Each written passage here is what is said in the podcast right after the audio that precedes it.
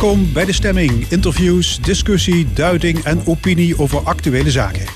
De onderwerpen in het eerste uur. Nog steeds alle hens aan dek in de ziekenhuizen. Hoe is de situatie bij Zuiderland? Moet Limburg de coronacrisis aangrijpen om onze regio aantrekkelijker te maken voor mensen uit de Randstad? En onze wetenschapsanalist Ron Heren over kernfusie als oplossing van het energieprobleem.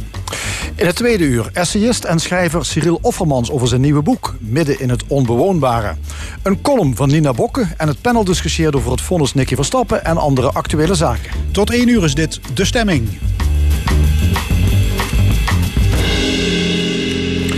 Het aantal coronabesmettingen stijgt weer, terwijl het wekenlang de goede kant op bleek te gaan.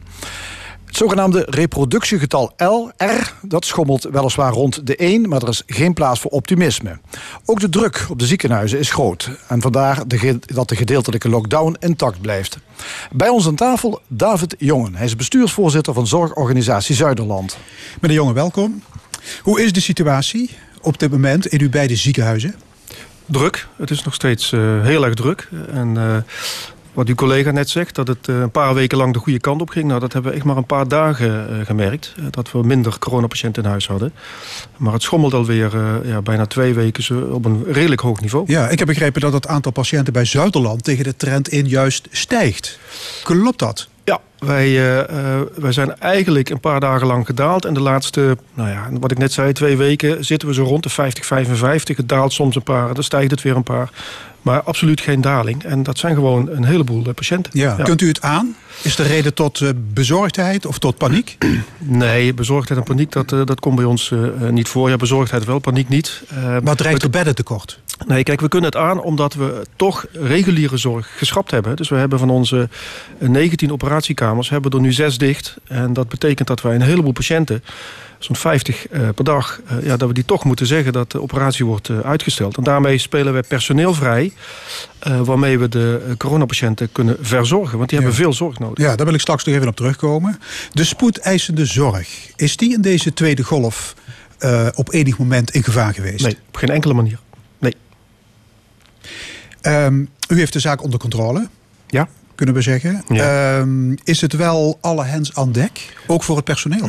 Ja, het is echt alle hens aan dek. Uh, en misschien nog wel iets meer dan in de eerste coronagolf. Kijk, in de eerste coronagolf hebben we uh, op spoedzorg na, als ik het heel kort samenvat, eigenlijk alle andere zorg uh, gestopt. Um, en hebben we alle zorg en alle mensen op coronapatiënten gezet. Ja, en nu proberen we ook zo hoog mogelijk, zoveel mogelijk reguliere zorg te blijven doen. En dat maakt het gewoon heel erg druk in huis. Dat maakt ook afwegingen heel erg ingewikkeld. Want in eh, maart, april had je maar één afweging, eh, corona of niet. Uh, en nu proberen we ook een heleboel reguliere zorg door te laten gaan. In de tweede plaats, ja, mensen zijn ook moe. wat prikkelbaarder, ook nog door die eerste golf. Want we hebben daar als Zuiderland echt zwaar voor onze kiezer gehad. Ik denk in absolute aantallen dat wij de meeste coronapatiënten van alle ziekenhuizen in Nederland uh, hebben gehad. Komt ook omdat we groot zijn, ja. maar dan nog. En mensen hebben, uh, ja, zijn er ook wel een beetje klaar mensen mee. Zijn al, mentaal hebben ze, het, ja. hebben ze het moeilijk. Ja, en dat um, zie je ook, ja. Maar en moeten verplegers en artsen ook extra diensten draaien in deze tijd? Nou, we proberen dat zoveel mogelijk uh, te voorkomen, uh, maar dat lukt niet altijd. Uh, maar kijk, dat voorkomen we vooral door wat ik net zei, door reguliere zorg, met name OK's, operatiekamers, dicht te doen. daarmee spelen we mensen vrij en hoeven anderen ja. niet extra diensten te draaien. Maar soms is dat toch nodig. Ja. ja, maar mensen lopen op hun tandvlees. Op sommige afdelingen uh, ja, is het gewoon echt heel erg druk, alweer. En we zien ook uh, dat het ziekteverzuim oploopt. We zitten nu boven de 9%. Nou, dat was een boven maand... de 9%, dat is veel. Ja, dat is echt hoog. Ja. Een maand geleden zaten we nog op, uh, op net 8. Dus het, het, loopt ook echt op. ja, ook best wel een aantal medewerkers die coronapositief worden getest in huis. Die moeten dan in quarantaine en uitvieren en ziek vieren. Ziek vieren, dat is trouwens niet vieren, ziek zijn thuis.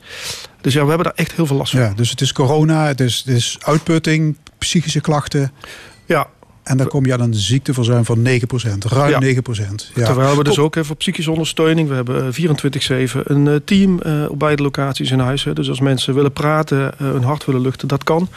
En wat we zien is dat er ook collega's onder elkaar heel veel praten over ja, wat er gebeurd is, wat ze gezien hebben, wat ze meegemaakt hebben. Dus we proberen dat zo goed mogelijk te ondersteunen. Ja. Maar zorgprofessionals zijn ook stoer. Hè, en die willen gewoon uh, doorbuffelen. Die willen er voor de patiënt zijn. En dat doen ze dan ook. En soms ten koste van zichzelf. Ja, hadden we met de kennis van nu niet beter ergens een speciaal coronaziekenhuis uh, moet, uit de grond moeten stampen? Nee, Zoals de Chinezen dat in Wuhan hebben gedaan. Hè? Ja, nee, dat, dat, dat, kunnen ze in China. Uh, dat moeten wij ook niet willen. Uh, kijk, dan moet je ook de mensen ergens vandaan halen. Je kunt er niet alleen bedden neerzetten. dus dan cannibaliseer je op de andere huizen. Zoals we dat nu geregeld hebben in Limburg en in Nederland is best goed.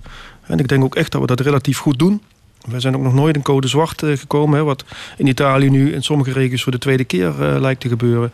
Dus we hebben dat best goed georganiseerd. Maar het vergt gewoon veel. En dat is het punt. Als u de eerste golf vergelijkt met de tweede, hè, waar we nu nog in zitten. Welke is dan zwaarder?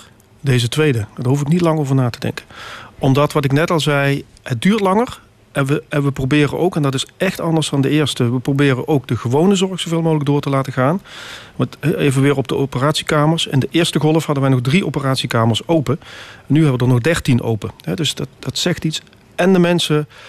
Eh, dat is al vaak gezegd, ook in de media. In de eerste golf kregen we applaus.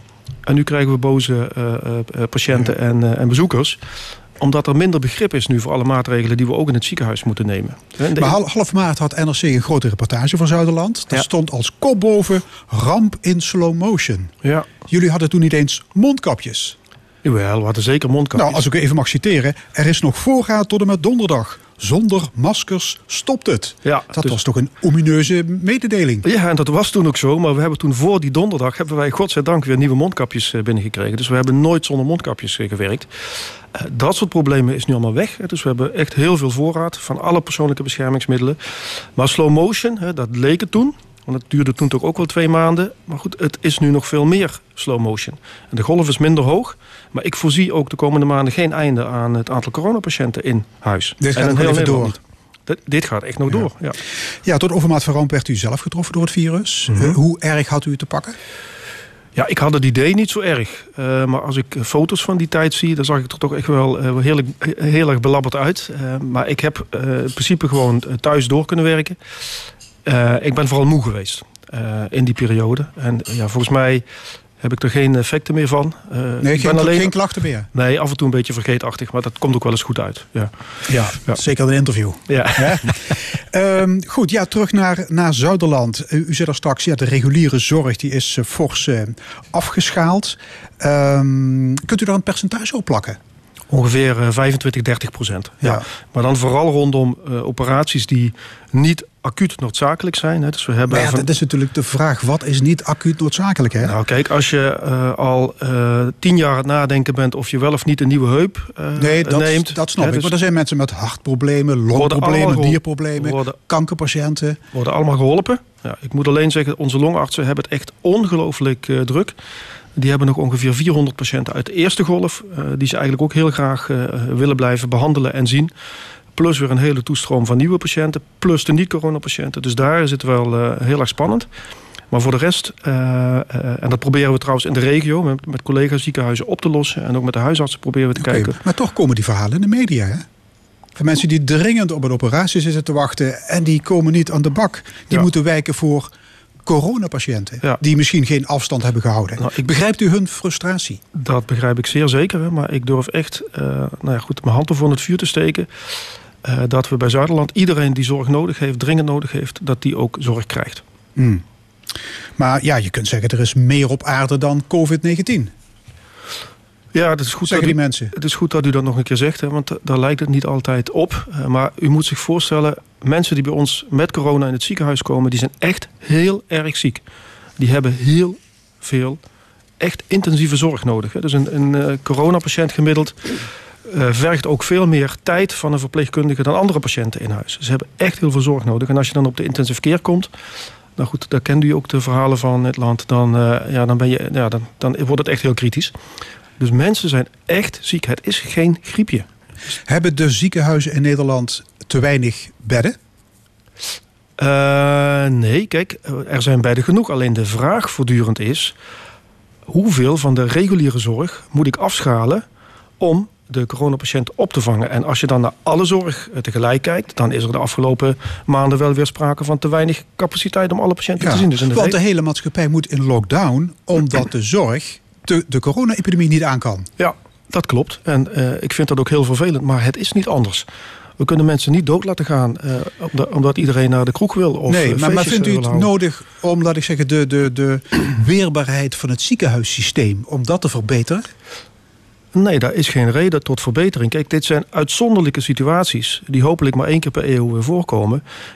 In alle andere uh, jaren van die eeuw hebben wij meer dan voldoende ziekenhuiscapaciteit. En als je voortdurend de capaciteit wil hebben op het niveau van een pandemie, ja, dan wordt de zorg van de ziekenhuiszorg twee keer zo duur. Dus eh, dan gaat onze ziekenhuispremies gaan allemaal dus van 140 euro naar 300 euro. Dus ja, er is geen sprake van zuinigheid van de grote zorgverzekeraars die, te, die, te zuinig in, die te weinig inkopen. Nee, kijk, ik, zeg, ik heb al vaker gezegd, het Nederlandse zorgsysteem is echt een van de beste ter wereld. Niet alleen in kwaliteit, maar ook in effectiviteit en efficiëntie.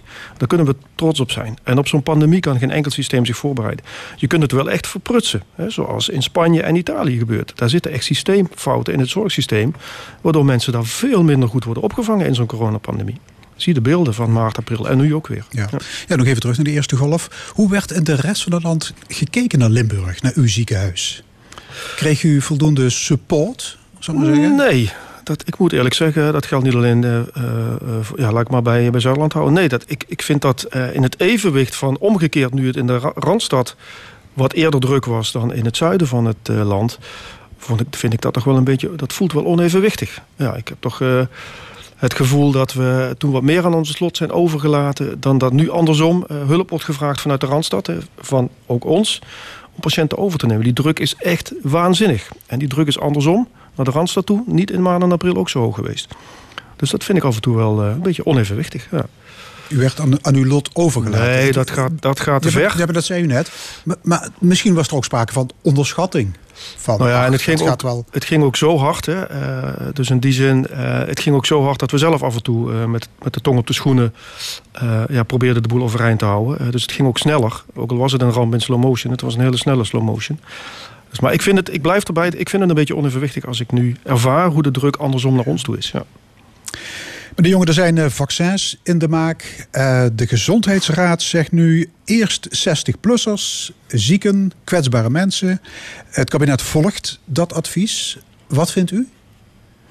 Ja, ik denk dat dat het meest uh, verstandige is. Ja, ik, ik, zou het niet, ik zou het echt niet anders weten. Geen voorrang voor zorgpersoneel?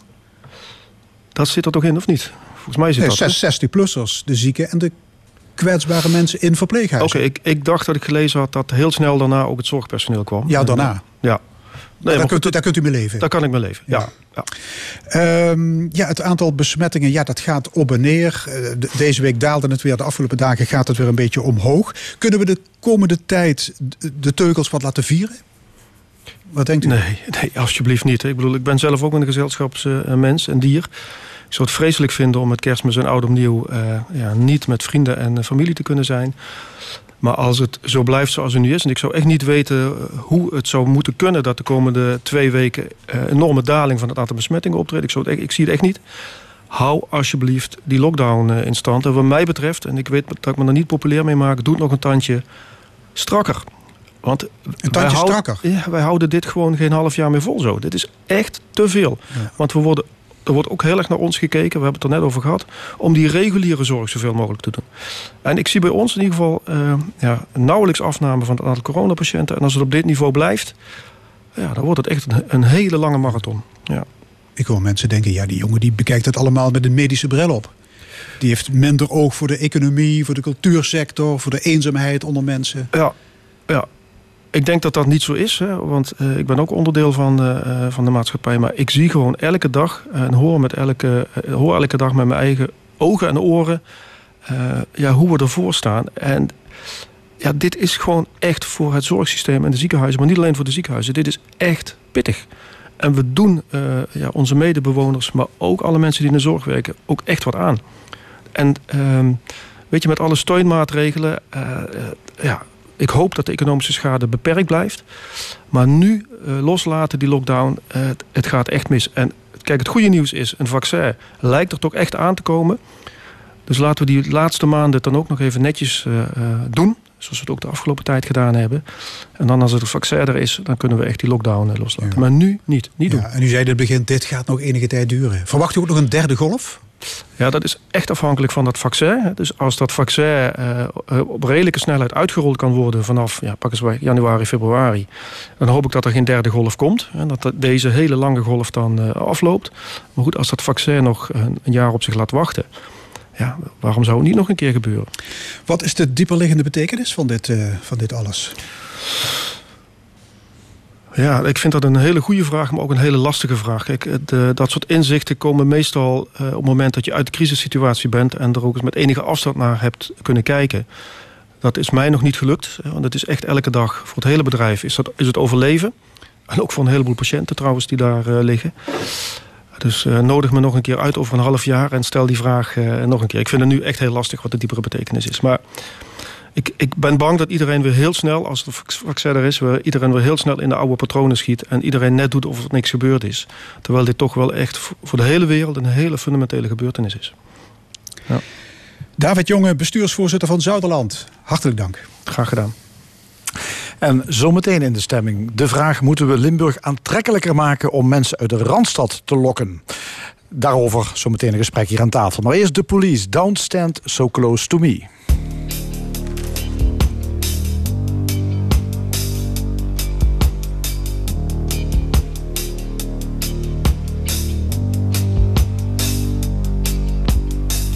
Young teacher, the subject of schoolgirl fantasy.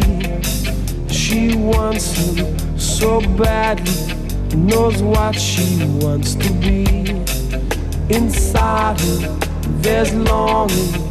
This girl's an open page, bookmarking. She's so close now. This girl is half his age.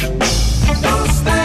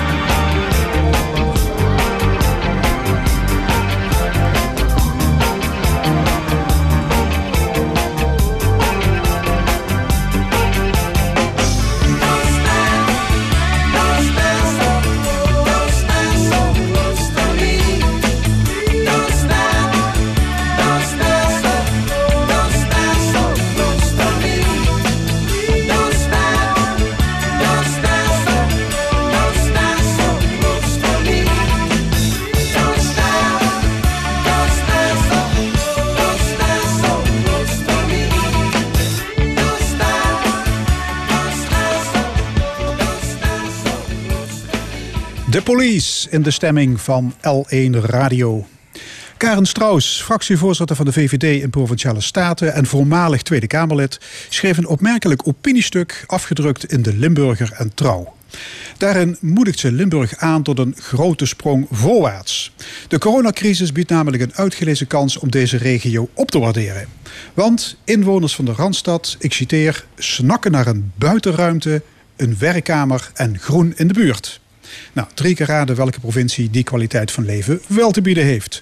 Daar zijn dan wel forse investeringen voor nodig.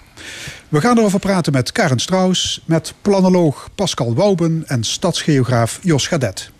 Ja, goedemorgen alle drie. Um, Karen Strauss, waarom zouden mensen in de Randstad de, de Randstad moeten inruilen voor Limburg, denkt u? Nou ja, um, ik weet niet uh, uh, of u zelf een tijd in de Randstad heeft, hebt gewoond. Ik heb dat uh, wel. En daar is het gewoon echt heel erg druk. En dat niet alleen maar. Um, het is ook dat mensen heel erg op elkaar leven. He, om je een voorbeeld te geven. Een garagebox in Amsterdam is tegenwoordig net zo duur als een huis met een tuin bijvoorbeeld hier in Limburg. Maar het kwam eigenlijk doordat een collega van mij, die in Amsterdam woont, uh, met mij daarover in gesprek ging. Naar aanleiding van een boekpresentatie uh, die hij gezien had van uh, Floor Milikowski. Als u nog eens een, hierover wilt doorpraten over dit die thema. Die is te gast geweest bij ons. Ah, ja, ja, ja, nou ja, goed, ja. precies. Hè? Dus een, een, een, klein land met verre uithoeken. En naar aanleiding daarvan kwamen wij met elkaar in gesprek. En uh, Erwin woont heel mooi in Amsterdam hoor. Die heeft, die heeft niks te klagen. Maar toch, die heeft een buitenhuisje in Zeeland. En uh, hij kwam tot de conclusie, dit gesprek hadden we ergens in augustus, begin september. Hij kwam tot de conclusie dat hij eigenlijk, uh, sinds dat corona er was, liever in zijn buitenhuisje in Zeeland was dan op zijn appartement in Amsterdam. Onder andere omdat daar ruimte om hem heen was om te recreëren. En dat triggerde eigenlijk bij mij iets dat ik dacht van ja, ik kan gewoon bij mij naar buiten lopen en ik loop anderhalve straat bij mij de wijk uit en ik zit in het groen. En eventjes later las ik ergens een bericht van iemand die woonde in, uh, ergens in de buurt van Rotterdam. En die zei: Ik moet minstens een half uur fietsen voordat ik in, ja, in een groene omgeving kom waar ik een beetje fatsoenlijk kan recreëren. Minstens een half uur is dat van mij vandaan. En mensen komen ineens tot dat besef.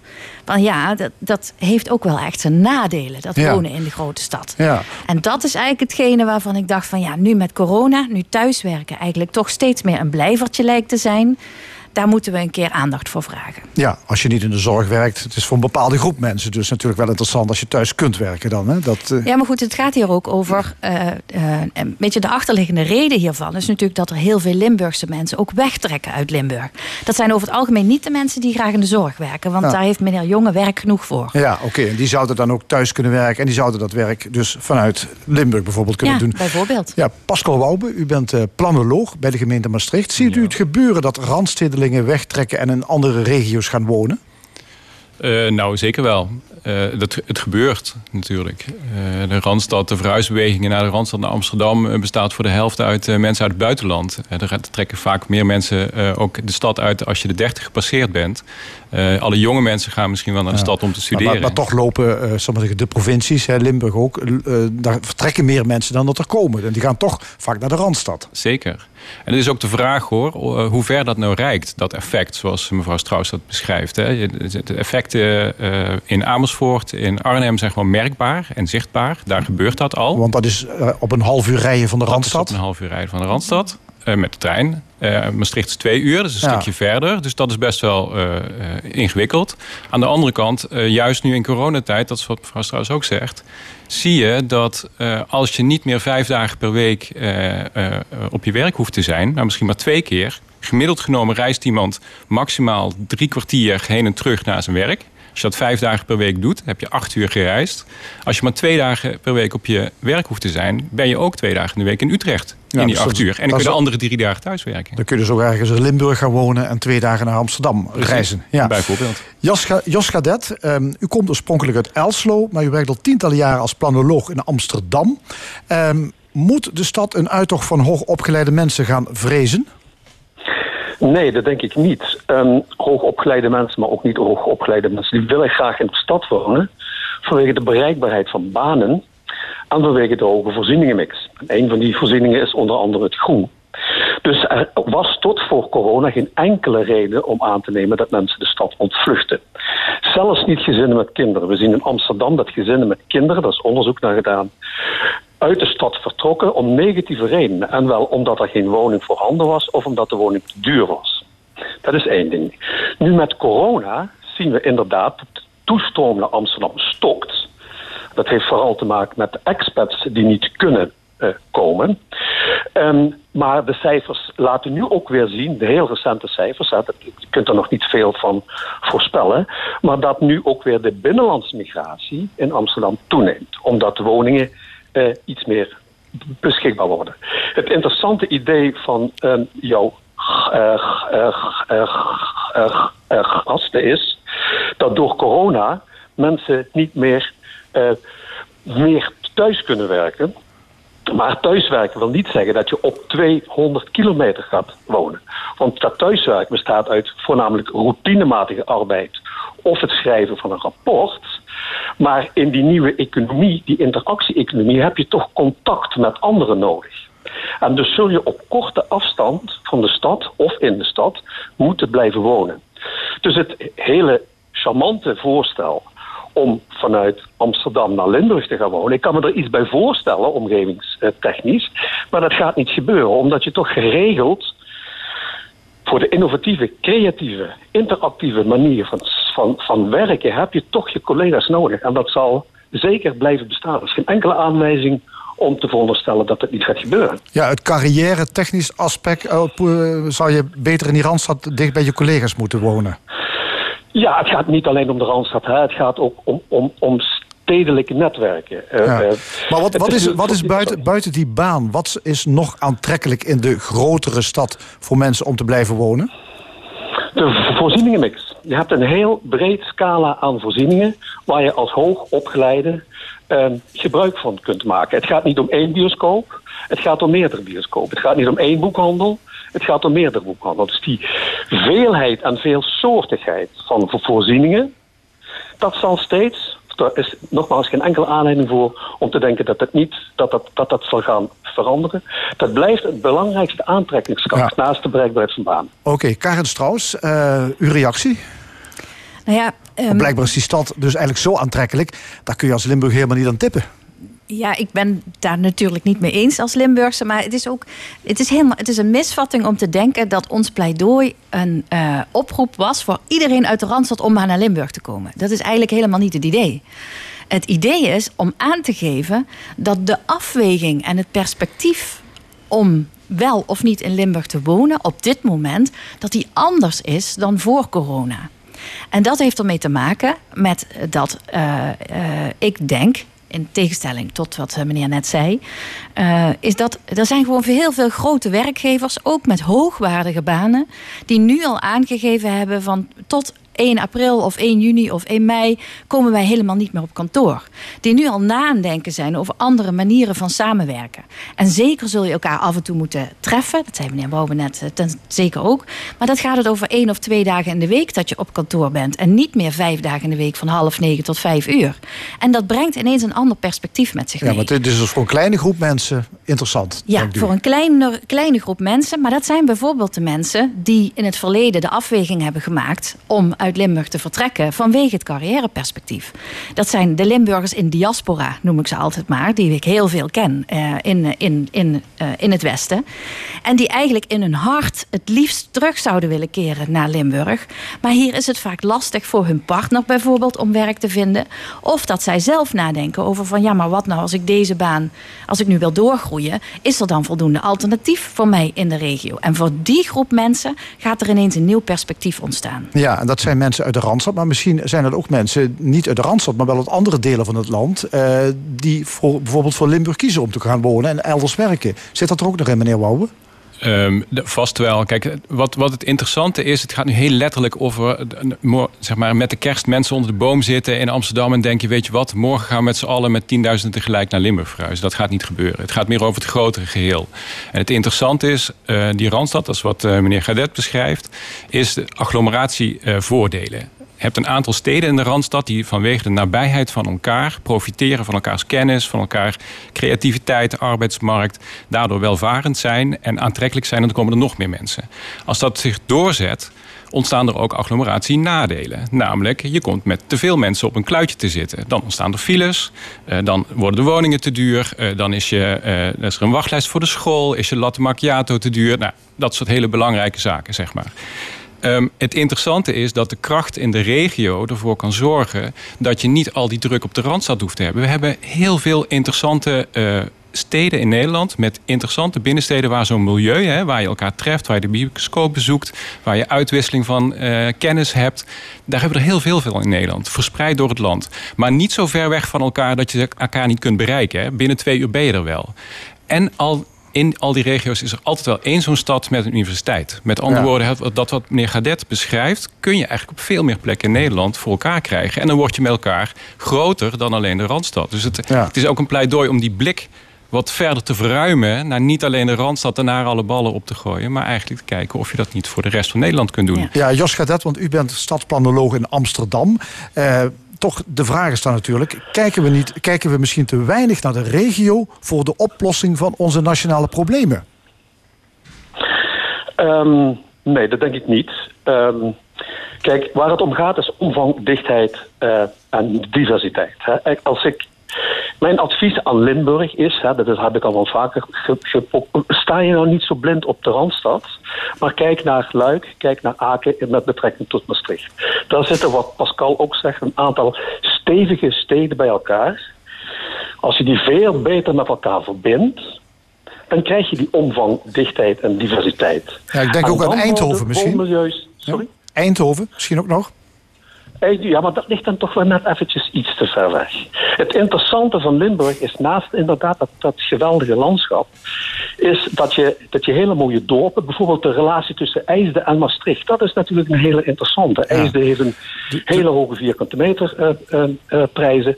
Maar dat ligt op fietsafstand van zo'n dichte kern. Dus ik zou me niet zo druk maken over de Randstad.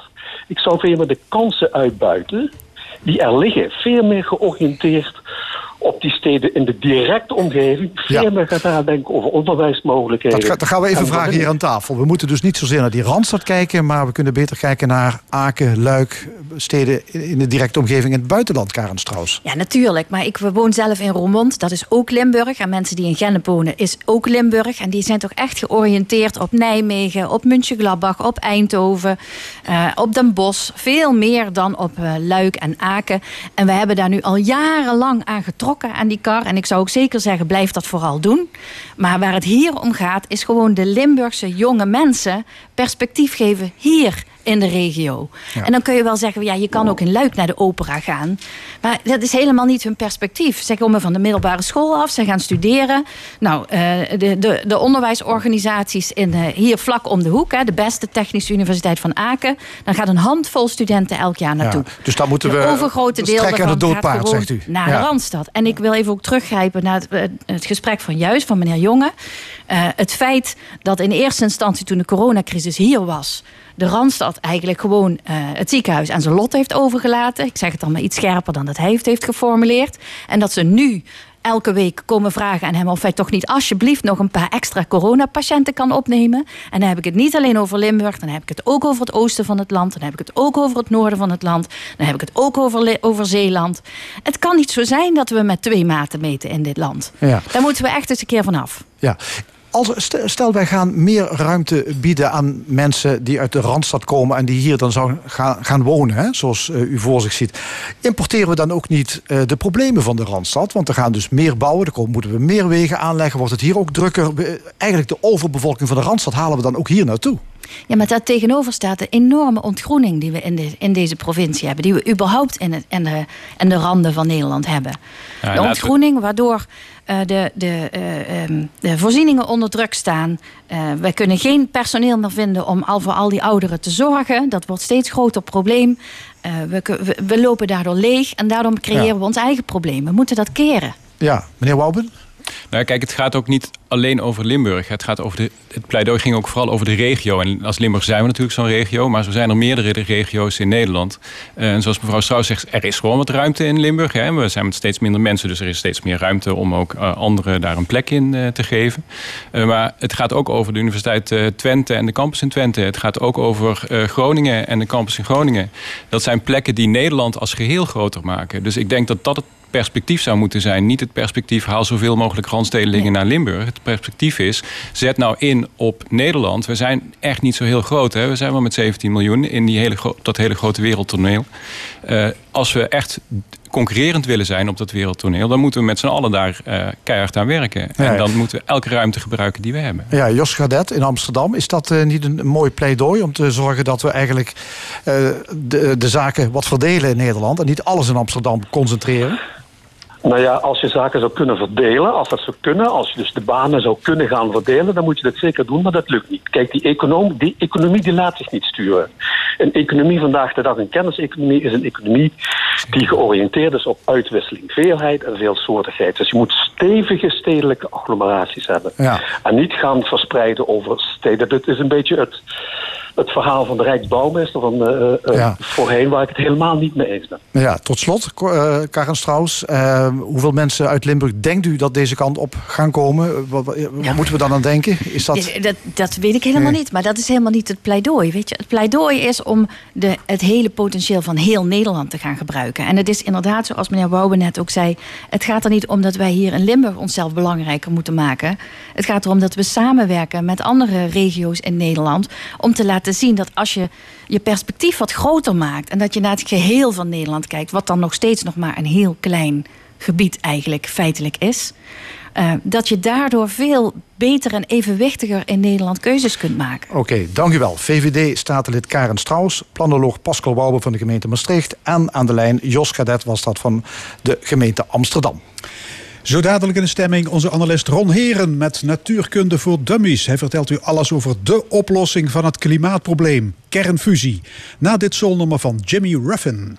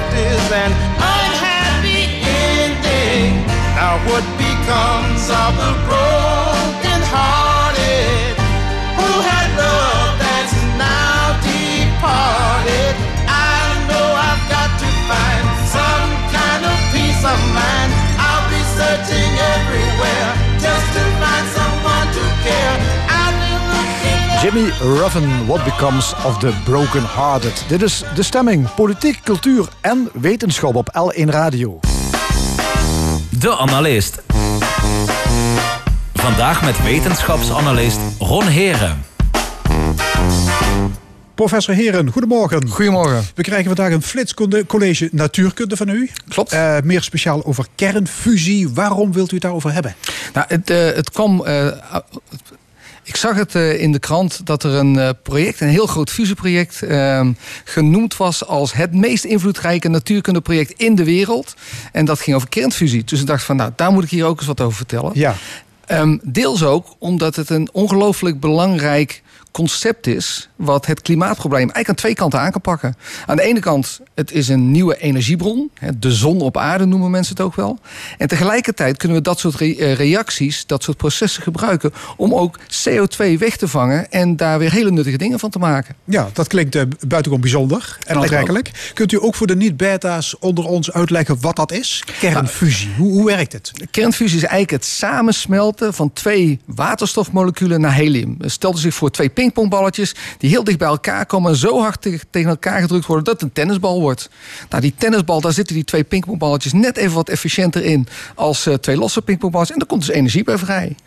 Nou, het is eigenlijk het proces, dat samensmeltingsproces, dat fuseren van die waterstofmoleculen, wat ook in de zon plaatsvindt en wat de zon zijn energie geeft.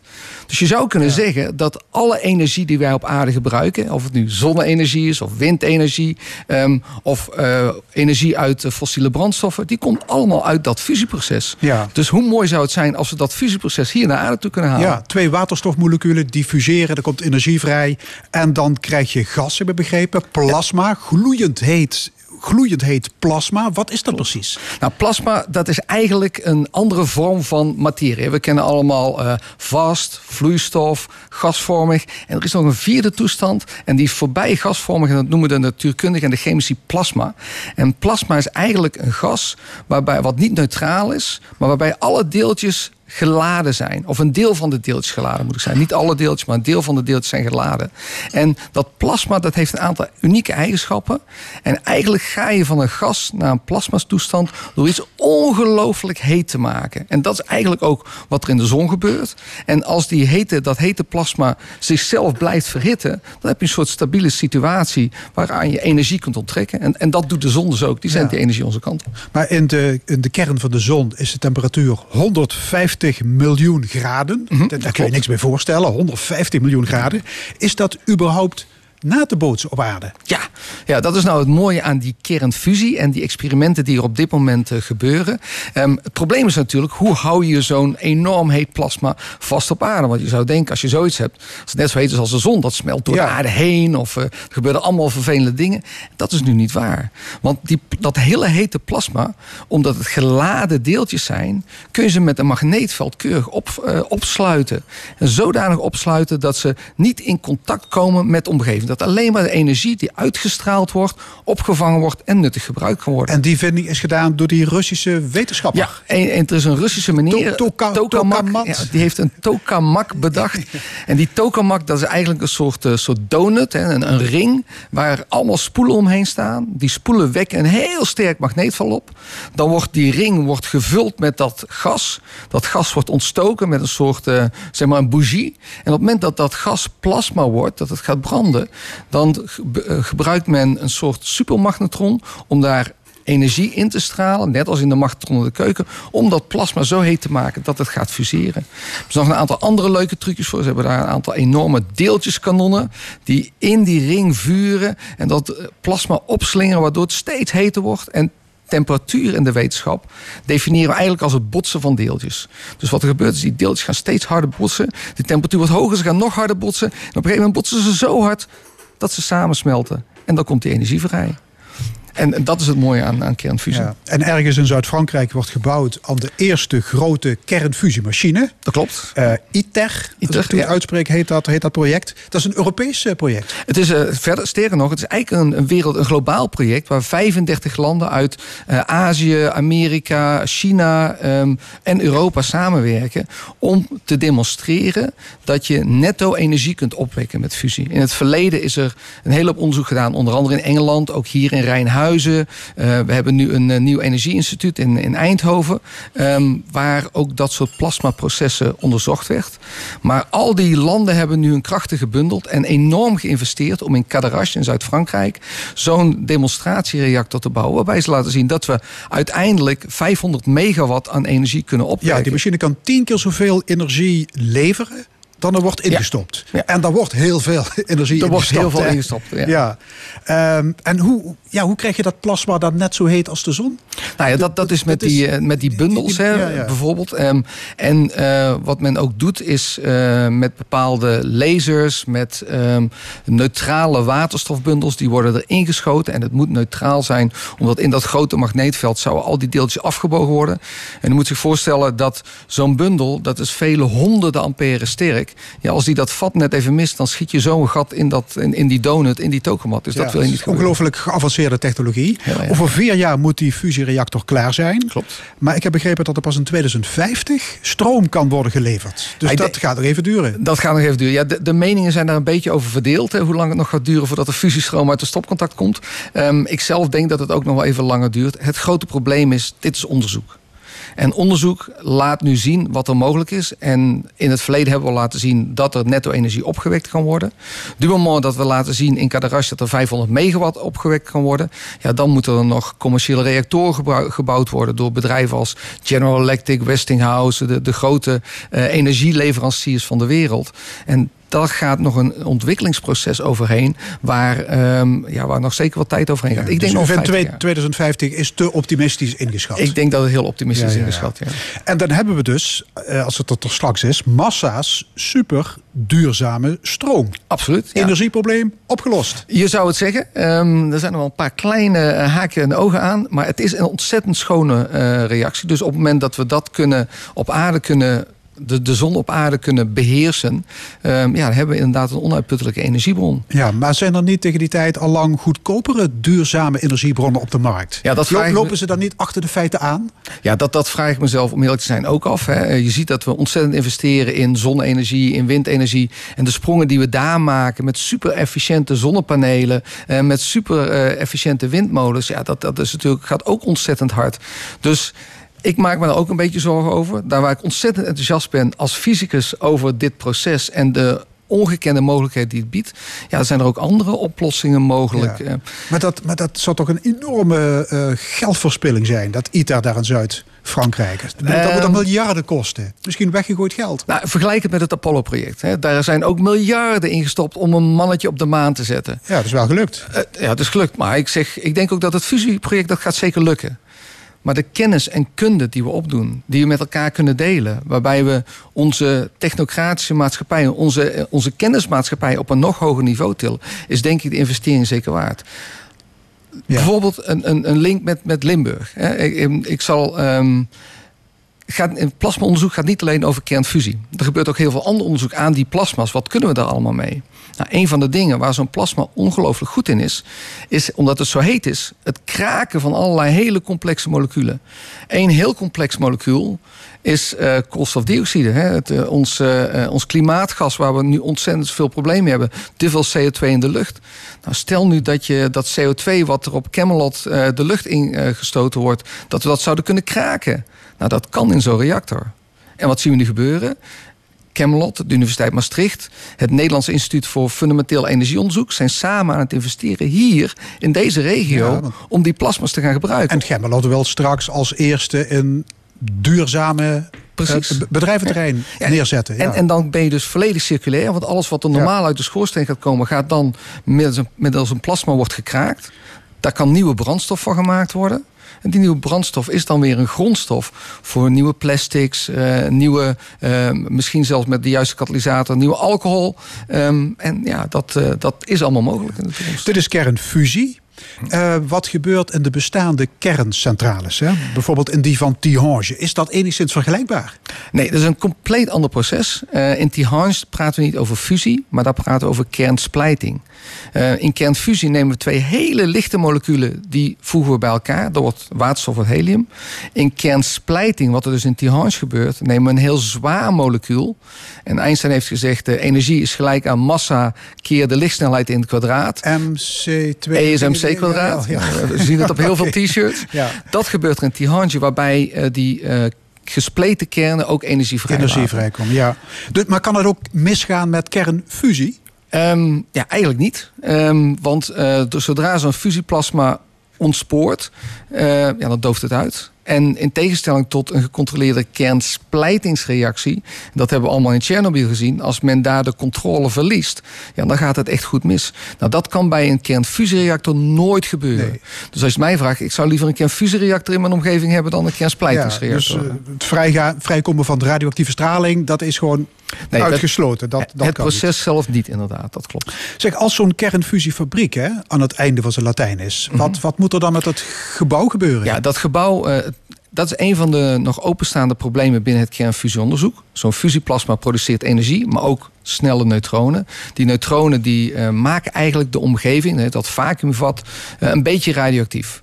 Het is lang niet zo radioactief als het eh, plutonium en uranium... wat in kernsplijtingsreactoren gebruikt wordt, maar desalniettemin radioactief. Dus zo'n gebouw waarin, laten we zeggen, waarin 20 jaar kernenergie, kernfusie-energie is geproduceerd, zal een tijdje moeten Ja, afkoelen. daar kun je geen appartementen van maken. Daar zullen we geen appartementen Nee. van maken. nee. Eh, bent u als wetenschapper optimistisch over de oplossing van allerlei crises, zoals klimaat, energie, corona, noem maar op? Ja, absoluut. En ik denk dat wij het als land ook ontzettend goed doen door in de juiste vormen van onderzoek eh, te investeren. Want ik denk dat door het investeren in de kennisproblematiek creëren we ook allerlei nieuwe mogelijkheden voor onze jeugd om hun omgeving op een andere manier in te richten. En, en daar ben ik ongelooflijk optimistisch over. Ron Heren, onze analist wetenschap, hartelijk dank. Tot de volgende keer. Tot de volgende keer. En na het NOS-journaal van 12 uur schuift schrijver Cyril Offermans aan. Hij hield een journaalboek bij in het grensgebied van literatuur, filosofie en politiek.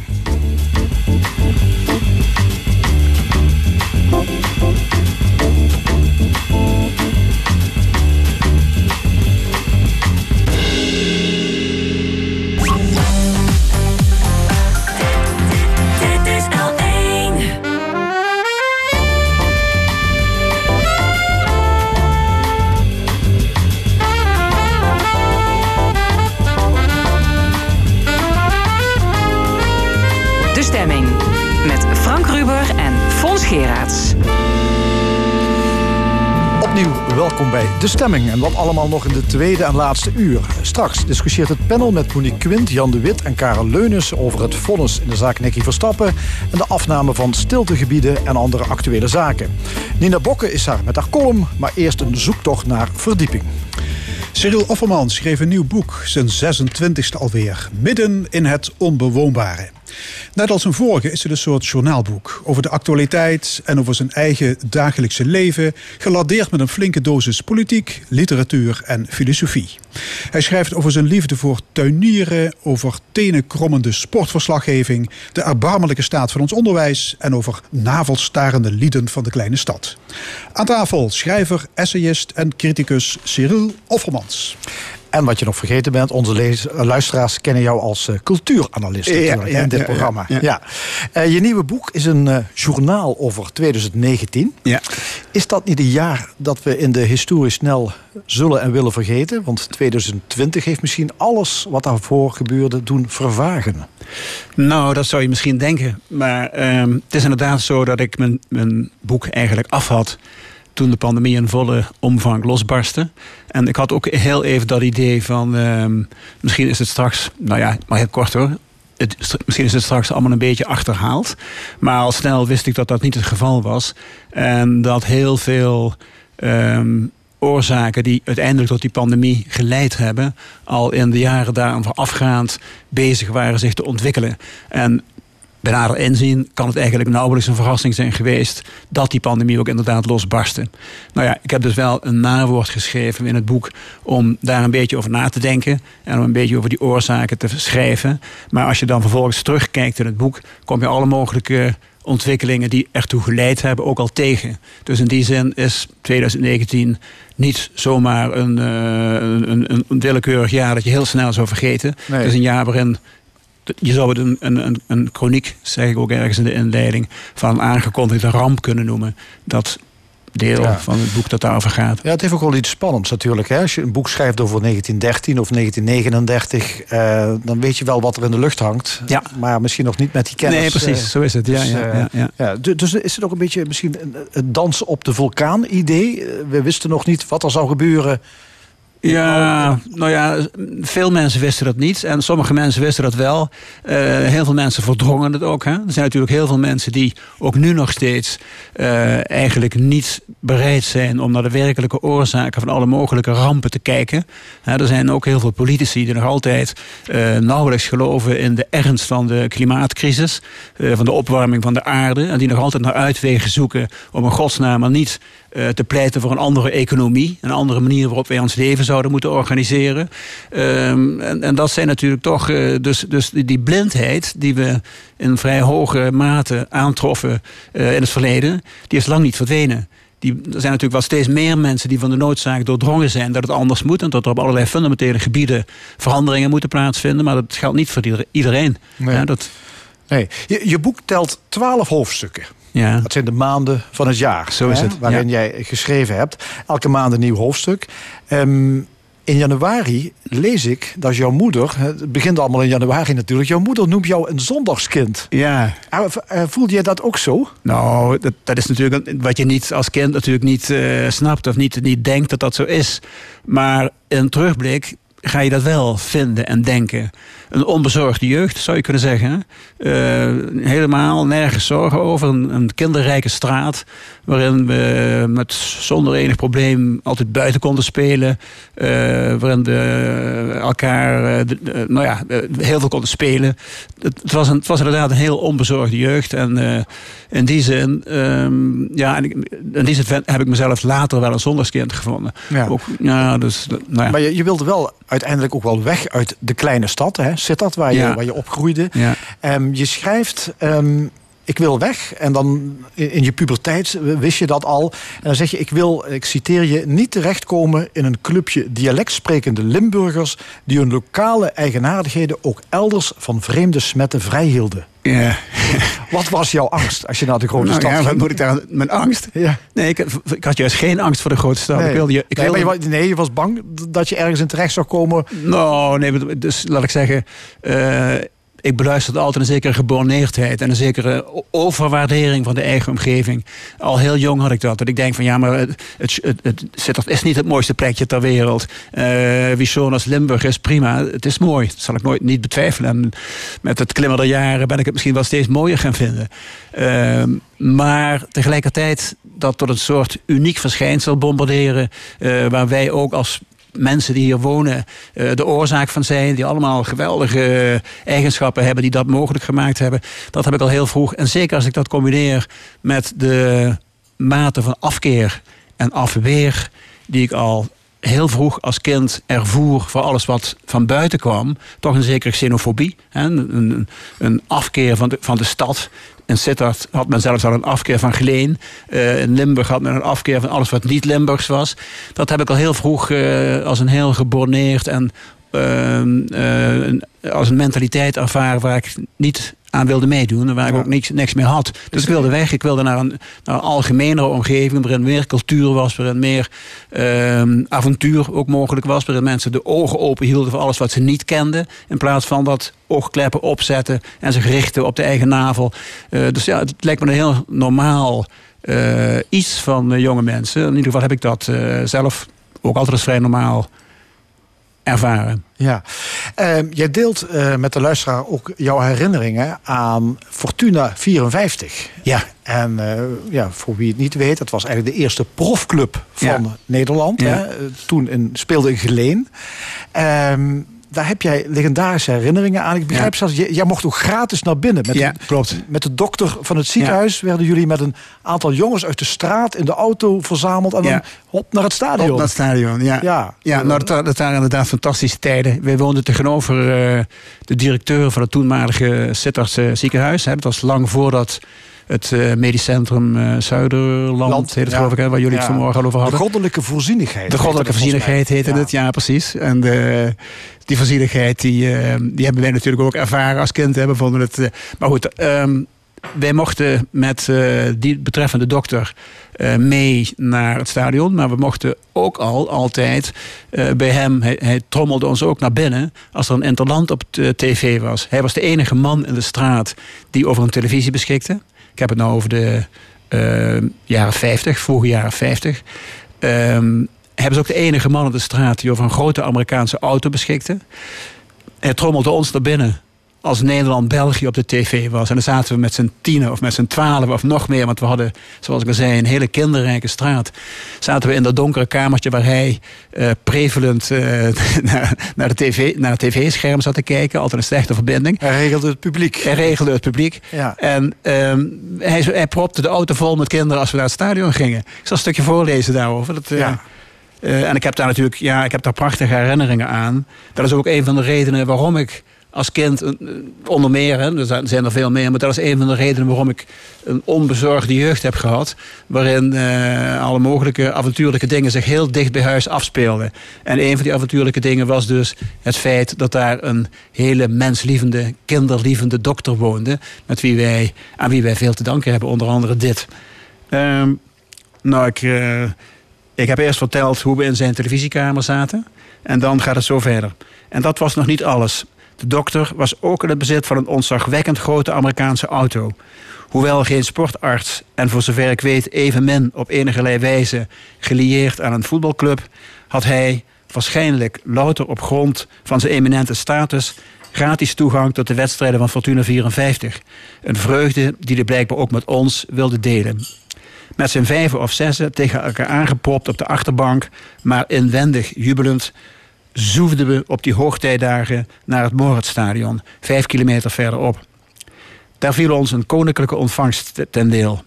Bij de ingang werd de dokter, en werden wij, inmiddels gierend van de lach, door knipmessend en saluerend personeel begroet en naar een parkeerplaats binnen het stadion geloodst. Ter vergelijking, het veld van Cetardia, ik woonde toen in Sittard dus, eh, had niet eens een parkeerplaats. En niet eens een parkeerplaats buiten het stadion ik ga nog even door, want dan kom ik eh, op, de, op het punt waar het over gaat. Ehm, zo heb ik in die heerlijke jaren 50, want ik hou ook een pleidooi voor een herwaardering van de jaren 50 in dit boek. mensen zijn altijd geneigd om de jaren 50 af te zetten tegen de jaren 60, die ik ook met volle teugen heb geïnhaleerd. Maar het ging wat mij betreft toch vaak ten onrechte gepaard met een, onderwaardering van de jaren 50, die ik nou juist als een heerlijke periode heb ervaren. Helemaal geen frustraties en overgehouden. Helemaal geen uh, docenten die met een lat klaar stonden om op mijn vingers te trommelen, enzovoort. Maar goed, zo heb ik in die heerlijke jaren 50 heel wat wedstrijden van Fortuna gezien. Dus ook die tegen Botafogo, het absolute klapstuk. Het was 5 mei 59. Het Moritstadion zat propvol. 27.000 betalende toeschouwers. Plus minimaal 5 of 6 niet betalende in de persoon van dokter Van der Hof en wij, verstekelingen aan boord van dienst Amerikaan. Het was ook de dag waarop de nieuwe hypermoderne lichtinstallatie in gebruik werd genomen. Volgens kenners even fraai als die van Real Madrid. In die entourage wisten de Braziliaanse sterren dat er spektakel van hen werd verwacht. En dat kwam er inderdaad. Al werd het zicht mij regelmatig ontnomen door opspringende supporters voor me. Ik concentreerde me uiteraard op Garincha. Die naam dankte hij aan zijn broer. Garincha betekent lelijk vogeltje. En lelijk was hij. Lelijk en onafvolgbaar. Ook grotendeels door mij. Later begreep ik van Galliano, een, uh, een auteur, Zuid-Amerikaanse auteur... die heel veel over uh, Zuid-Amerika, maar ook over voetbal, over sport geschreven heeft. Eduardo Galliano. Later begreep ik van Galliano dat deze zwakbegaafde man... lomp en mank met de hersens van een kind en een ruggengraat in de vorm van een S, dat hij het armzalige restant was van honger en kinderverlamming. Met zijn kromme benen, zijn linkerbeen was een O-been, zijn rechter centi uh, zijn 6 centimeter korter dan het rechter, een X-been, dartelde de kleine man langs de zijlijn. Zwenkte dan plots naar binnen langs twee, drie, vier verblufte Fortunezen. Die flitsende snelheid, die brieën, daar was geen kruid tegen gewassen. Gelukkig maar, ik was in de wolken die nacht en wellicht de daaropvolgende nachten fladderde ik zelf als een lelijk vogeltje langs de zijlijn. Ja, mooi. Ja. Wat, was, wat is het geworden, die, die wedstrijd? Weet je? Eh, nee, want dat, eh, dat, bleek ik, eh, dat bleek ik niet te hebben onthouden. Ik ben het later ook gaan opzoeken. Wel mogelijk eh, ook in het boek van Galliano, die, die, die, daar uit, die uitgebreid over Garincha schrijft. Maar daar wordt het, de wedstrijd in, in Sittard van Geleen niet eens vermeld. Dus ik ben op een gegeven moment zelfs gaan twijfelen of die, de- of die wel ooit heeft plaatsgevonden. of niet een soort mythologisering Ja. van mijn kindertijd Ja. geweest is. Maar dat was toch niet zo, want Foxport, dat was ook de aanleiding om het hierover te hebben. Foxport zond een, eh, een, eh, een, een, een, onder, een programma-onderdeel uit over de beginjaren van het betaald voetbal. Want dat is natuurlijk ook een van de redenen, een van de redenen waarom ik het hierover heb. Fortuna 54 was de eerste betaalde voetbalvereniging in heel Nederland. Ja. En dus ook het begin van de commercialisering van de sport. Ja. En dat, als ik nog even die zin mag afmaken. En dat is in mijn boek, eh, speelt dat in een aantal stukken een rol. Ik begin namelijk het stuk dat voor dit stuk over Garincha en de Braziliaanse wondervoetballers eh, staat. Daar gaat het over de oorsprong van de sport in Europa. Engeland met name. Over de, mate, over de redenen of de oorzaken van het ontstaan van sport. Amateursport natuurlijk, maar voor het idee van amateursport opkwam... was het een aristocratische bezigheid in Engeland. Hè. Het was een poging om de ruwe volks eh, spelen die eh, vaak een heel gewelddadig karakter hadden en ook een heel sterk competitief karakter hadden, om die als het ware te disciplineren en te zorgen dat de deelnemers sportief werden, letterlijk, hè, dat ze zich konden leerden neerleggen. A, bij de reglementen, maar B, ook bij hun verlies. En dat, dat, dat stukje eindigt ermee dat eh, de man die daar heel goed, of heel mooi over geschreven is, dat is een Britse socioloog, Elias heet hij, ehm, die he- heeft nog geen benul van de beroepssport. Het stuk daarna gaat over het ontstaan van de beroepssport in Nederland. Aan de hand van het verhaal Ja. over Fortuna. En verderop in het boek kom je een paar stukken tegen die over de doorgeslagen zijn van die beroepssport gaan. Totaal anders eh, wordt onze omgang en beleving van Exact. sport. Ja. Ja. Ehm, Cyril, eh, in jouw boek staan nogal wat alarmerende fragmenten over de opwarming van de aarde, over vluchtelingenstromen, de crisis in onze democratie. Ben jij, afgezien misschien van die herinneringen aan, aan jouw jeugd, maar ben jij een tobberige wereldbeschouwer? Nee, helemaal niet, zou ik denken. Nee, het, eh, ben, ik ben alle mensen tobberig. Als ik, als ik tobberig was, zou ik waarschijnlijk niet zo productief zijn als ik zo vrij mag zijn. Want eh, nee, ik ben niet tobberig. Het, is wel zo dat er alle veel redenen zijn om, eh, om ontwikkelingen met eh, angst en beven te, te, te, te, zien hoe, hoe, die, hoe, die, eh, hoe die verlopen.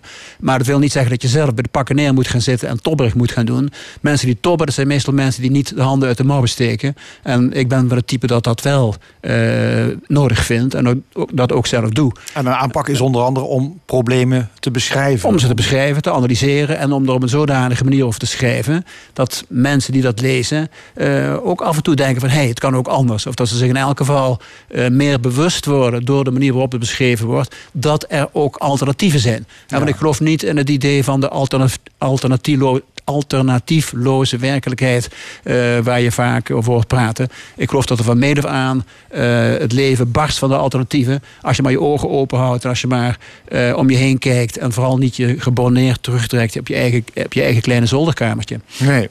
Je houdt ook van tuinieren, hè? Behalve jouw boekenkast is ook de hark en de schop is jou niet vreemd. Nee, ja. En jij schrijft, ehm, een tuinier, dat is eigenlijk een opgewekt mens.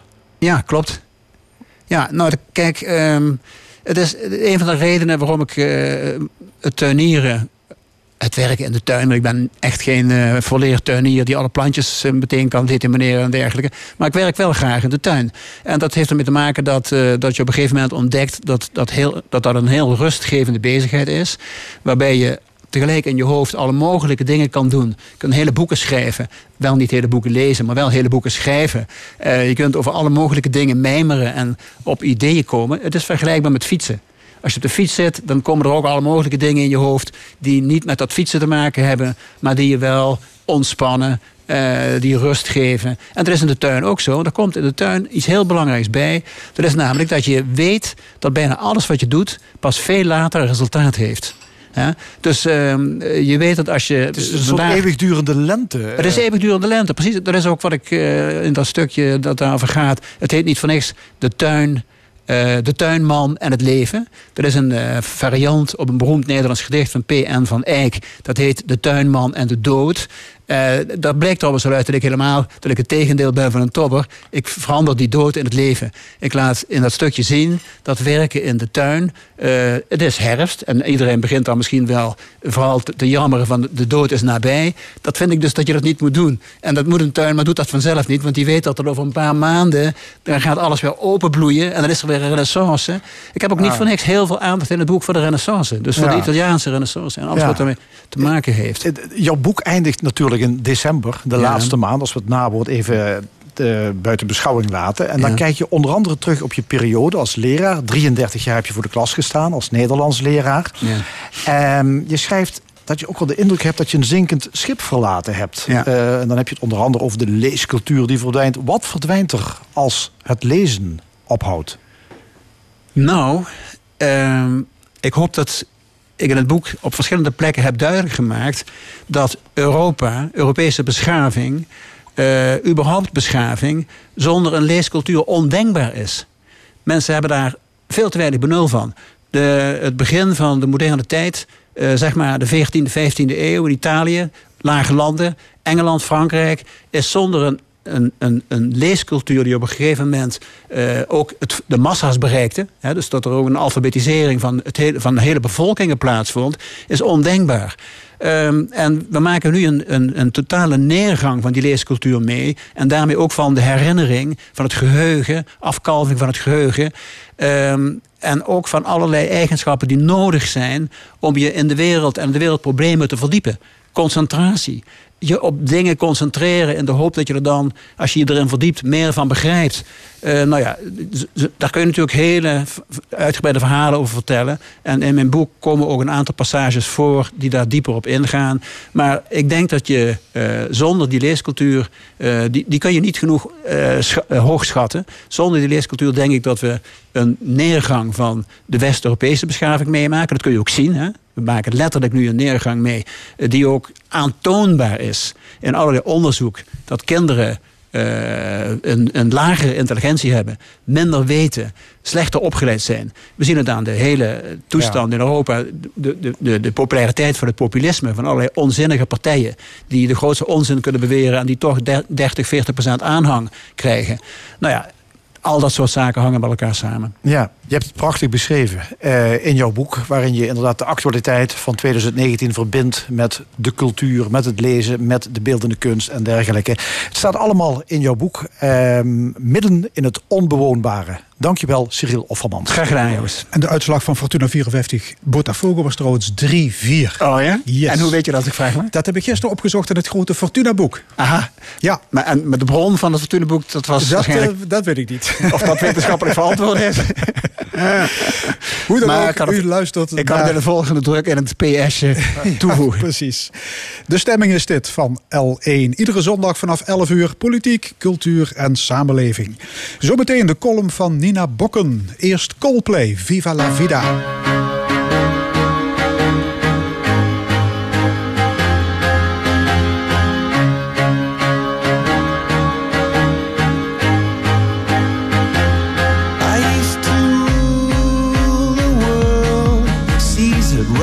When I gave the word. Now in the morning I sleep alone. Sweep the streets I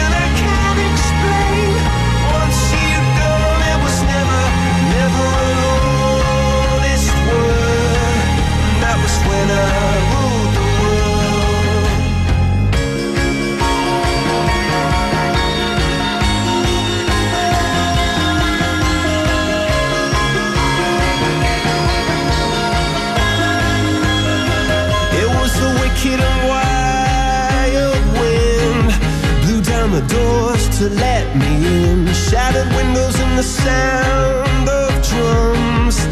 People couldn't believe what I'd become. And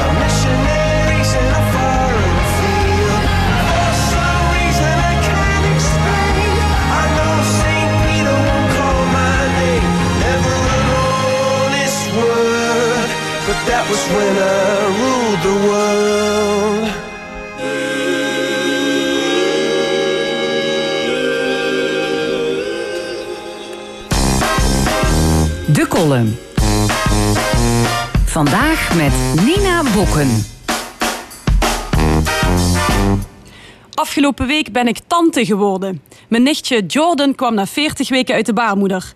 Geloof het of niet, je geboorte is de grootste verandering die je in je hele leven zult meemaken. Ook een van de meest traumatische. Negen maanden lekker hobbelen in een zakje warm water en plots word je ruw uit je bubbel getrokken. Een koude en felle wereld in. Het eerste dat je dan ziet is toch een soort van slagveld. Zelf moest ik na 42 weken uit keizersnede worden gehaald, want ik kan niet goed tegen verandering. De geboorte van mijn nichtje was een paar dagen na de Zwarte Piet-demonstraties in Maastricht. In wat voor wereld zou Jordan opgroeien, dacht ik. Die vraag stelt elke generatie. In de jaren 40 had je de Tweede Wereldoorlog, de jaren 60 de Koude Oorlog, de jaren 90 de Golfoorlog en nu heb je volwassen mannen die met kinderkopjes gooien en roepen om Zwarte Piet. Oh ja, en er is corona natuurlijk. Kleuters niezen tegenwoordig vanzelf al in hun elleboog. Sommigen zien het als tragedisch eh, symbool, maar ik vind het eigenlijk sowieso wel een goed idee. Ook het beperken van lichamelijk contact is niet per definitie slecht. Je leert zo wel weer wat persoonlijke afstand is en een knuffel of kus meer waarderen. En je zit niet, net zoals ik, elke jaarwisseling met een hoofd vol jeukende uitslag van iedereen zijn baardhaar door al dat gezoen. Over oud en nieuw gesproken, dat wordt voor mijn nichtje ook een heel andere ervaring. Later vertel ik haar. Vroeger staken we om middernacht vuurwerk af in de lucht en proosten we met champagne. En dan zegt zij, eh, maar tante Nina, dat mag toch alleen voor acht uur? En vuurwerk is toch voor als boze mannen Sinterklaas vieren en strijkers gooien naar politie? Ja, maar dat is dus heel lang geleden, zeg ik dan. Toen belangrijke beslissingen nog werden genomen door mensen die heel lang voor iets gestudeerd hadden. Niet door de Senaat van Internetwijsheden en de Raad van Influencers. Als je toen iets niet snapte of het ergens niet mee eens was, moest je eerst iets moeilijks doen voordat je mensen mocht bedreigen. Een dialoog voeren. Tegen die tijd is er waarschijnlijk nog steeds geen zorgbonus uitgedeeld en raken ziekenhuizen chronisch overbelast doordat geen hond meer de zorg in wil. En doordat mensen vaccinatie weigeren omdat ze niet weten wat erin zit. Dan moet ik Jordan ook nog met droge ogen uitleggen dat diezelfde mensen zich dat nooit hebben afgevraagd van een kroket, Viagra-pil of ecstasy. Wat is ecstasy, tante Nina? Eh, dat is iets ouderwets voor als je samen met andere mensen in een grote ruimte moest staan met muziek en er eigenlijk geen reet aan vond. Maar het was wel goed voor de Limburgse economie. Mijn nichtje behoort tot de generatie coronaboomers, geboren uit verveling en thuiswerk. Net zoals de babyboomers niet verantwoordelijk voor de crisis waarin ze werden geboren, maar wel voor de wederopbouw. De coronakinderen zien voor zich een generatie die meteen gaat stampvoeten als er grenzen komen aan een grenzeloze wereld.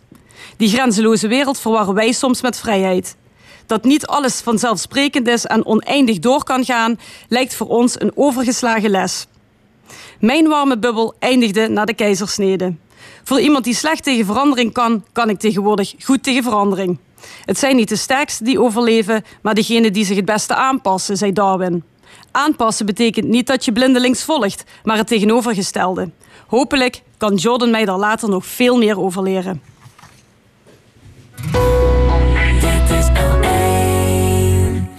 Het opiniepanel van deze week heeft plaatsgenomen aan de discussietafel. En vandaag eh, heten wij welkom drie oud-politici. Monique Quint, oud Tweede Kamerlid voor de Partij van de Arbeid. Jan de Wit, voormalig SP-volksvertegenwoordiger in de Tweede Kamer. En Karel Leunis, en hij zat voor het CDA in de Eerste Kamer. Hartelijk welkom, alle drie. Ehm, ja, Jos Brecht krijgt 2,5 jaar, 12,5 jaar gevangenisstraf. Dat heeft de Rijkbank van Maastricht vrijdag gevonnist. Dit vanwege seksueel misbruik en vrijheidsberoving met de dood als gevolg en bezit van kinderporno. Niet bewezen is dat hij Nicky Verstappen met opzet heeft gedood. Wat vinden jullie van het vonnis? Mag ik beginnen met Jan de Wit, de jurist in het gezelschap? Ehm, nou, wat het ene deel betreft was het eh, wel de verwachting dat dat, eh, dat dat zo zou uitpakken. En dan heb ik het natuurlijk over de vraag of hij eh, een moord heeft gepleegd... wat er sprake is van doodslag. Ehm, wat je uit de zaak, voor zover die in de kranten naar voren komt in ieder geval... en op de, in de, op de radio-televisie... is dat je in ieder geval al in een vroeg stadium twijfel kon hebben... over de vraag of de doodsoorzaak überhaupt uh, vaststond. En of uh, Brecht daar zelf schuldig aan was. Of die zich met andere woorden aan moord of doodslag schuldig heeft gemaakt. Dus daar was al grote twijfel over. Nou, daar heeft de rechtbank nu bevestigd dat, dat, dat daar geen bewijs voor is. Het tweede deel wat je net opleest, waar die wel voor veroordeeld is... ja, daar kan je ook nog wel uh, wat vraagtekens bij plaatsen. En dat wordt dan ook breed en uh, alom gedaan. De redenering van de rechtbank is nogal, uh, op zijn zachtst gezegd, merkwaardig op dat punt. Monique Quint. Ja, uh, alhoewel ik als politicus geleerd heb dat je je niet met de andere zuil in onze samenleving moet bemoeien, die heet justitie. Um, en ik daar over het algemeen aan hecht om me daar dus ook zo. Als panelid mag je toch over met alles bemoeien? weet, weet ik, maar um, wat je de afgelopen uren hebt meegemaakt aan uitspraken die mensen dan doen. Um, ik zal er één uithalen waardoor ik dacht... daarom is het ongelooflijk belangrijk dat wij ook zoiets kennen als een hoger beroep. En dan komt er een arrest. En als dat arrest er ligt... dan gaan we eens kijken wat we in Nederland wellicht anders zouden hebben moeten doen... bij een kwestie als deze. Um, maar als ik hoor mensen hoor zeggen... ja, maar iedereen voelt toch dat die man levenslang had moeten krijgen... dan denk ik, dat is nou precies de reden waarom we in een rechtsstaat... dus wat dat betreft is er toch wel iets heel belangrijks gaande... hele harde eisen stellen aan degene die verdedigen... degene die als openbaar ministerie... Uh, namens de staat iemand ter verantwoording roepen... voor een eventueel misdrijf wat hij begaan zou kunnen hebben. Maar je bent onschuldig tot schuld bewezen is. En ik hoop dat we dat volhouden in dit land. Want wanneer we de onderbuik van de samenleving uh, als maatstaf gaan krijgen... dan vrees ik dat lynchpartijen vroeg of laat aan de orde zijn. En dat blijkt al wel, want het pedojagen wat zich intussen in dit land voordoet... Uh, lijkt heel erg in die richting te gaan. Dat men denkt, het zijn schoften, die mensen die deugen niet. En als justitie het niet voor elkaar krijgt... dan zal ik het zelf eens even doen. Maar ja, in, in dit geval is er sprake van een lawine aan steunbewijs. Ja, nee, maar en vandaar... Gaat... Dat, dat weet ik. Ja. Maar desalniettemin is het ongelooflijk belangrijk... dat we ons hoofd erbij houden. En dat we ons niet laten meeleiden in een stroom die ontzettend makkelijk te begrijpen is. Nogmaals, ik begrijp het allemaal wel. Alleen, godzijdank, kan men in hoger beroep. En van twee kanten gaat men in hoger beroep. En er komen wellicht ook nog een aantal zaken boven tafel... die op dit moment nog niet in de overwegingen van de rechtbank zijn meegenomen. En dan hoop ik, dan hoop ik van harte dat men zich op enig moment... bij een finale uitspraak neerlegt. Karel Leunissen, hoe denk jij over de, over de skepsis van, van Jan de Wet? Nou, ik, ik ben natuurlijk geen jurist en ik ben een leek op dat gebied. Ehm, maar ik kan me daar wel een, een beetje in vinden. Ik vind wel dat die rechtbank, eh, dat we daar vertrouwen in moeten hebben. En dat met het oordeel staat, zal ik zeggen. Maar het was voor het eerst dat ik naar een vonnis luisterde. En wat mij opviel, ze deden dat heel netjes, stap voor stap. Maar dat was ook wel een beetje stapelbewijs. Hè. Er werden, er, veel logisch redeneren zat erin. En aan het einde van zo'n blokje werd een conclusie getrokken. En dan zijn we erbij, het was goed met dat, dat men dat erbij zei... dat het eh, wettig en overtuigend bewezen was. En ik dacht, waar heb ik dat nou gehoord? Dat zijn eigenlijk redeneringen, dat is meer indirect bewijs voor met name de, de- een aantal vragen, niet alle vragen, maar indirect bewijs wat men aanvoert. En dat vond ik toch wel, eh, ja, voor een wetenschapper zouden wij daar niet mee wegkomen. En dat is de grote zwakke plek in het de- van die drie dat, dat, stapelen klinken van- ze, dat, moet, dat moet afgebogen zijn. Hè? Bijvoorbeeld het feit dat er, wat ook in het artikel in de, in de Limburg stond van Bots, hè, de deskundige werd geraadpleegd, dat er geen DNA op het lichaam van het slachtoffer is gevonden. Dat is voor mij totaal onbegrijpelijk eigenlijk. Ja. Nee, dus- het moet een technisch probleem zijn geweest. Ja, ik ben het wat dat betreft ook wel, eh, wel eens met, trouwens ook met Monique en, eh, en eh, Karel. Ehm, de, de, de, moeilijkheid in die redenering van de, van de rechtbank is dat het dus inderdaad geen exact bewijs is. Hè, dat, men, dat men zegt, ehm, ja, ehm, deze man die heeft in 1984 en 1985 heeft hij ook eh, zich schuldig gemaakt aan misbruik eh, van, eh, van twee jongens. Ehm, dus, en dat heeft hij toen op een bepaalde manier gedaan. De mond dicht eh, eh, houden, eh, het lichaam op de grond drukken. Dat zal hij nu ook wel gedaan hebben. Ja, en, en, en dan ook nog de dood tot gevolg hebbend. Hè? Want dat is een hele zware kwalificatie natuurlijk. Dus dat is een hele moeilijke redenering. Die kan ik in ieder geval niet zomaar... De eh, zegt het was daardoor zuurstofgebrek. Dat is ja, de doodsoorzaak. Maar, maar dus dat, dat, dat, dat betekent dus jij- dat, dat de rechtbank moet dus eigenlijk zou dus bewijs moeten hebben dat hij dat ook daadwerkelijk zo gedaan heeft. En dat is niet het geval. Dat is niet het geval. Men neemt dat aan. En dat noemen we wat, wat Karel ook zegt, het stapelbewijs. En je stapelt een aantal dingen op elkaar. Maar het is niet bewezen. En daar, dat, zelfs op de, op de mond van eh Nicky Verstappen. Het is allemaal heel ja, dramatisch natuurlijk om dat allemaal zo te moeten benoemen. Maar eh, daar is geen DNA van eh Brecht aangetroffen. En dat is ja, het, het, eh, de twijfel zeg maar, over die redenering die is heel erg groot. En eh, je kunt eigenlijk zeggen, eh, met zo'n beetje vijf jaar, over vijf jaar, zullen we misschien het oordeel van de Hoge Raad vernemen. Want waarschijnlijk gaan ze in zo'n zware principiële zaak ook nog een keer naar de Hoge Raad als het de, de uitspraak van het Hof daartoe aanleiding geeft. kan de Dus- maatschappelijke druk zo hoog zijn dat het tot een veroordeling geleid heeft? Dat, dat was precies wat, wat ik in aanvulling op wat, eh, wat Jan zegt... ook eh, iedere keer vol. In hoeverre hebben we hier niet te maken met een druk... die ehm, zo ver gaat in de rechtszaal... van de openbare mening, van de publieke opinie... die eigenlijk al heel lang vindt dat de schuldige al lang gevonden is... en dat de persoon in kwestie het gedaan moet hebben. En dat je dan merkt, en dat is waarom ik zo ongelooflijk zorgvuldig zit te kijken naar hoe gaat dit maatschappelijk. Want als de publieke opinie in de rechtszaal dit soort effecten gaat krijgen, dan kan je in dit geval zeggen: Nou, eh, het is aan alle kanten duidelijk dat die man het gedaan moet hebben. Zeg ik ja, maar als er geen onomstotelijk bewijs ligt en de Hoge Raad komt die conclusie, dan is het een ongelooflijk moeizaam iets voor de samenleving om te accepteren dat ons rechtssysteem zo werkt. Ja. Je moet gewoon een keihard bewijs kunnen leveren dat iemand iets gedaan heeft en een zwaar misdrijf als dood ten gevolge hebben hè, bij een bepaalde handeling. En dan heb ik het niet over moord met voorbedacht raden, want eh, dat is überhaupt niet aan de orde geweest in de hele redenering.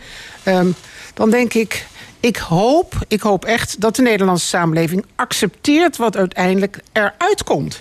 Maar je ziet tegenwoordig in het, in het strafproces, zie je, je ziet dus ook, we hebben het er eerder hier aan tafel al over gehad, je ziet rond belangrijke strafzaken dat de aandacht in de media is buitengewoon Ja. eh, groot. Hè? Op de, Ja. de televisie met name, op één, Jinek of Bo. eh, en noem, maar, noem maar al die, die talkshows op. Daar wordt heel expliciet aandacht besteed aan de vraag... heeft hij het nu gedaan of niet? En dat geldt in elke zaak. En dus dat, vorige keer heb ik zelf ook opgemerkt... nou, je moet als rechter je eigenlijk isoleren... wil je daar niet door beïnvloed worden. En dan ook nog eens een keer het tweede punt. Maar wacht hè, even, Jan, tegenwoordig- rechters zijn toch geen slapjanus, hè?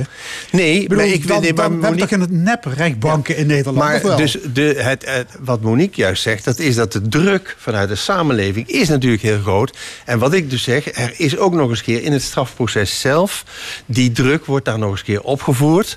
Doordat eh, als zo'n zaak speelt, eh allerwege heel indringend daar aandacht aan besteed wordt. En op de zitting, waar, waar, waar tegenwoordig ook heel veel in juristenkringen over te doen is, althans zeker in de advocatenkringen, eh, die slachtofferverklaring. Je moet van steen zijn.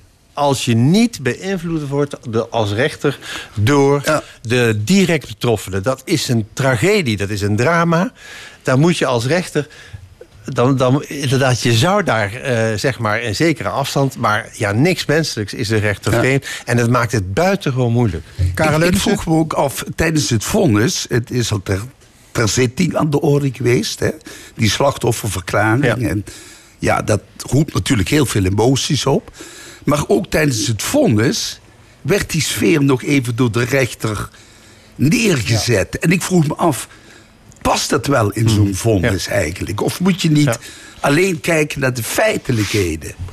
En op basis van die feitelijkheden zeggen van nou, dit en dit zijn onze conclusies die we op dit moment uit die harde feiten kunnen trekken. Ja, maar het feit dat je op dit moment zegt wat je zegt, Caro, geeft al aan hoe ongelooflijk de vierde macht, want daar praten we nou over, we praten over de media en over de journalistiek, hoe groot de vierde macht op dit moment niet alleen in de politiek is, maar ook in de Ja. rechtszaal.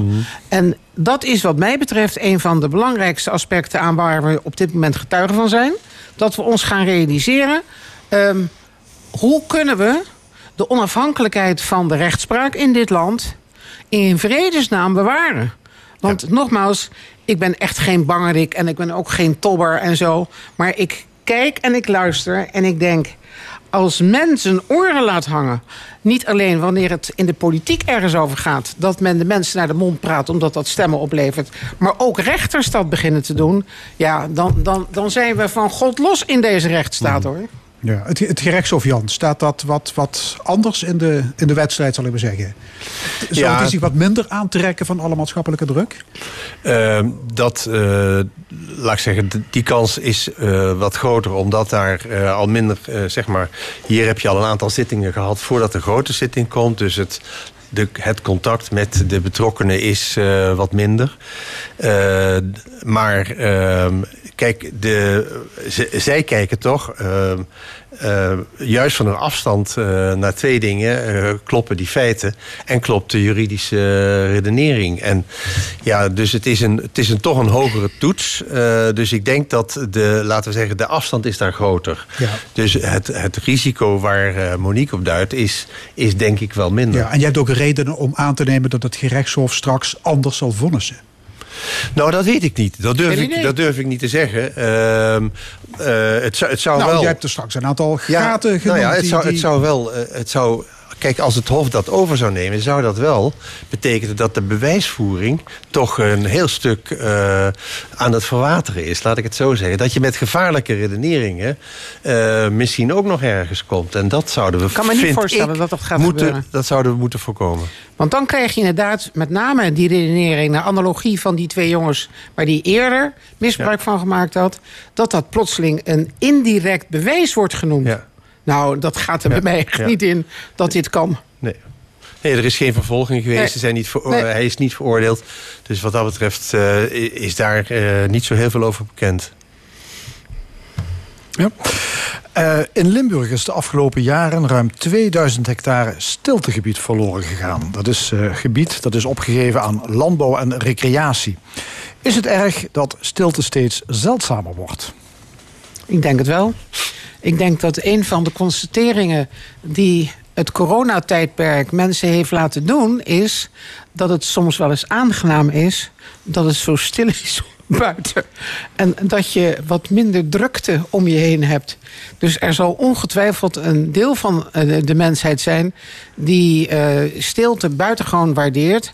Maar wat ik aan dit aspect heel zorgelijk vind, is dat er door de provincies, want het zijn de provincies die stiltegebieden aanwijzen, uh, dat blijkbaar de informatie daarover maar een zeer gering deel van de mensen bereikt. Um, als je uh, daarop naleest, dan zijn heel veel mensen die weten niet eens wat het betekent. Wat van hen voor gedrag verwacht wordt wanneer ze in zo'n gebied wonen. Ik heb het genoegen gehad jarenlang in een stiltegebied uh, te hebben gewoond. En ik kan u verzekeren dat de overlast van motoren gigantisch was. Want in het Heuvelland rijdt men graag motor. En om de een of andere reden moeten die dingen ook altijd lawaai maken. Ik begrijp ook niet waarom daar ook nog lol aan zit. Maar goed, dat is dan zo. En er stond bij mij in ieder geval in de buurt regelmatig zo'n heel groot bord stiltegebied. Hm. Dus het is, en de mensen weten het niet, maar bovendien, we leven in een tijdperk dat economische groei de norm is. Dus bij de afweging of een stiltegebied belangrijker is dan een nieuw bedrijfsterrein of een nieuwe vestiging, ga door het Heuveland rijden en je kan genieten van de enorme schuren die worden neergezet, uh, waar vroeger prachtig uitzicht was in de richting van een stiltegebied. Uh, dus het ligt aan ook vergunningen afgeven of niet handhaven. En dan zijn we bij een hobby waar Nederland natuurlijk in toenemende mate aan leidt. We maken wetgeving en regelgeving. En we bekommeren ons never nooit over... is dit ook nog uitvoerbaar en te handhaven? Ja. Nou, als er iets is... Nou, ja, nou, ik denk dat het stiltegebied uh, van wezenlijk belang is voor de volksgezondheid. Ik denk niet dat mensen uh, kunnen leven zonder zich eens te kunnen terugtrekken in een natuurlijk gebied waar men naar de vogels kan luisteren, het ruisen van het beek en het ruisen van de bladeren. Dat is zo wezenlijk van belang voor de, voor de geestelijke gezondheid en in zijn algemeenheid voor de gezondheid, dat men daar absoluut niet aan moet toegeven om daar uh, op te beknibbelen op die uh, aantal hectares. Hm. En je ziet dat ook al in het Westen. Mijn zoon woont in Amsterdam. Nu met die coronatijd, je zit opgesloten in dat huis en je wil weg. En wat gebeurt? Die, stil, die beperkte stiltegebieden in dat Westland...